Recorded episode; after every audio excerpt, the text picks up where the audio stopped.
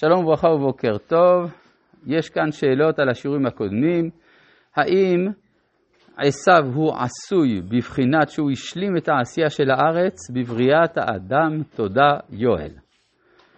כן, שואל שתיים, שלום, לכם יהיה לאוכלה. הרב הסביר שזה היתר שניתן לאדם.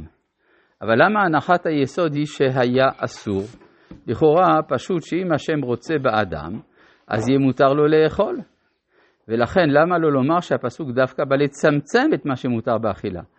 כמו שאכן השם מתיר רק מאוחר יותר את אכילת הבשר. התשובה היא בגלל שהאדם אוכל מן הכל. בעלי חיים אחרים, כל אחד אוכל מאכל מסוים. אבל על האדם נאמר שהוא יכול לאכול מכל הפירות ומכל הירק, וזה דבר שבו הוא שונה מכל השאר. ולכן אפשר לומר שגם פה זה היתר. אנחנו אם כן נמצאים בפרק א' של ספר בראשית, והגענו לפסוק אה, כ"ט, לא, לפסוק, בפרק א', פסוק ל"א, וירא אלוהים את כל אשר עשה, והנה טוב מאוד, ויהי ערב, ויהי בוקר, יום השישי. כאן צריך לשים לב לכל מה שקראנו, יש פה דבר שהתחלנו לדון בו, אבל לא עד הסוף, זה לגבי ההבחנה בין יהי, ויהי, תדשה, יהי רקיע וכדומה. אז ציינו שכל מקום שבו כתוב יהי, זה קיום מתמיד. אם לא כתוב יהי, זה קיום חולף. למשל, האור, ויאמר אלוהים, יהי אור. יהי רקיע, יהי מאורות. שלושת הדברים האלה, האור, הרקיע, המאורות, קיימים תמיד. מה זאת אומרת תמיד?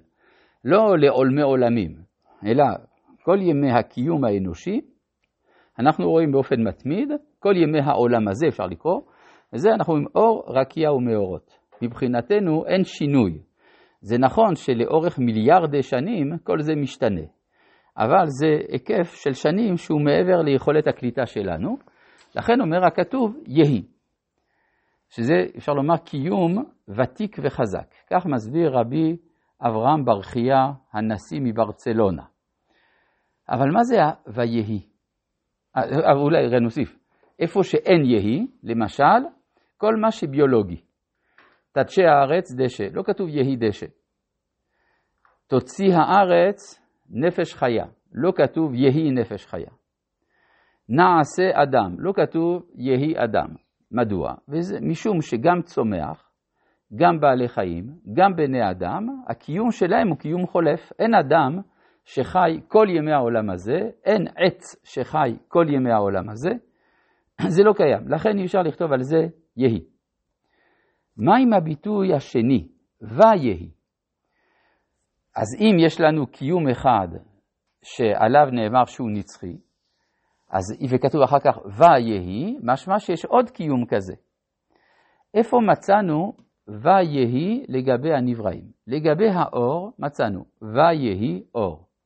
הדבר הזה בא ללמד אותנו שכשם שיש אור כל ימי העולם הזה, יש קיום לאור במציאות נוספת. אז אם זה לא העולם הזה, זה העולם הבא. כלומר, יש עוד קיום מעבר לקיום הראשון, והוא קיום העולם הבא, ועליו נאמר, ויהי אור. אגב, הדבר הזה מראה שהכתוב, אפשר להגיד שזה רק רמז, אבל זה רמז חזק, שהכתוב מקבל מציאות עולם הבא, כבר במעשה בראשית. שני, שתי דרגות קיום, שתי שכבות של קיום. מה עם ויהי רקיע? לא. ברקיע לא כתוב ויהי, כתוב ויהי חן. ויהי חן ולא כתוב ויהי רקיע. מכאן שבעולם הבא אין רקיע.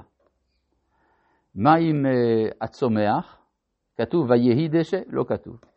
לא כתוב ויהי מאורות. לא כתוב ויהי דגים. אם כן אנחנו מבינים שמלבד האור אין שום דבר שמתקיים לעולם הבא. מה עם האדם? באדם כתוב בפרק ב' ויהי האדם. אם כך, אנחנו מבינים שלאדם יש קיום לעולם הבא, יוצא פה שני לימודים חשובים. שלעולם הבא יש אור ואדם, זה מה שיש.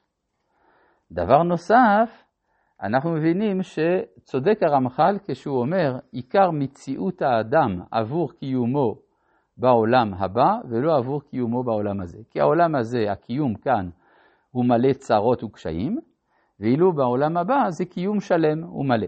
כן? אז כך שיש לנו, אה, כבר אנחנו רואים בעצם שהכתוב לא סיפר לנו את תולדות הופעת החיים, אלא נתן לנו מפה להבין את אופי החיים, את המשמעות של הנמצאים.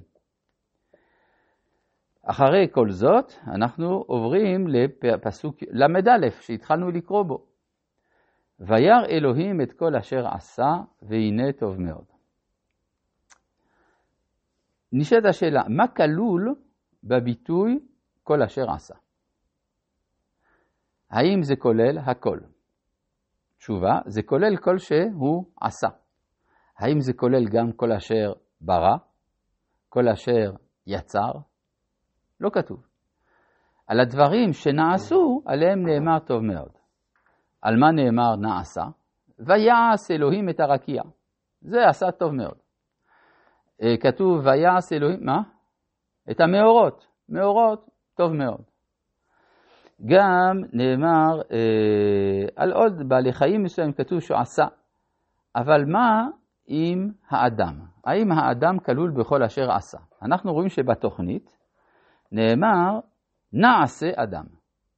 אבל ראינו שבמציאות לא נעשה, אלא נעשה פחות. ויברא אלוהים את האדם.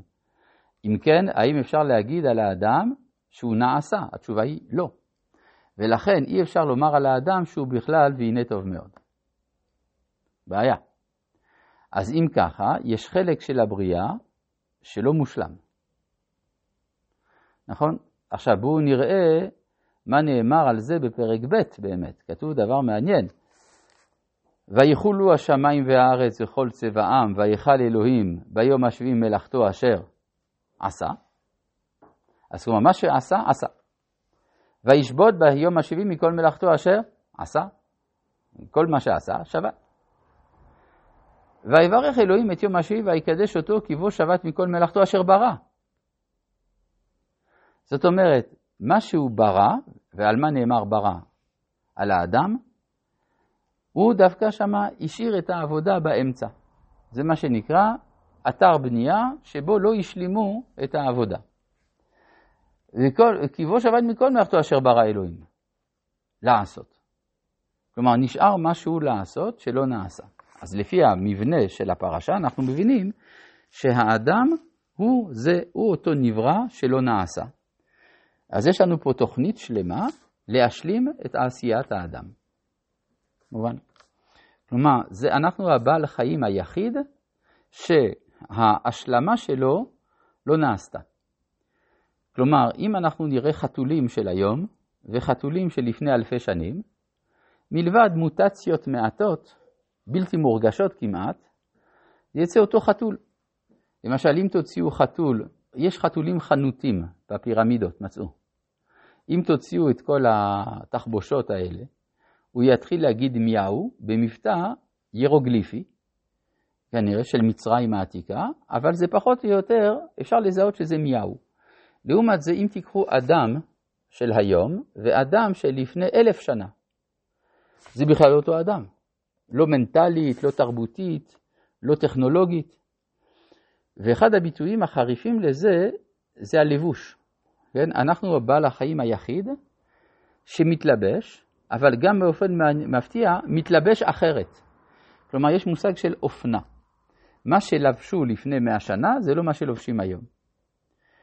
וכך שכאילו שהאדם עדיין בחיפוש אחרי השלמתו, עשייתו, לפי המושגים המקראיים, והדבר הזה, התחושה הזאת של חסרון ההשלמה והצמאון להשלמה, מורגש עוד יותר אצל נשים מאשר אצל גברים.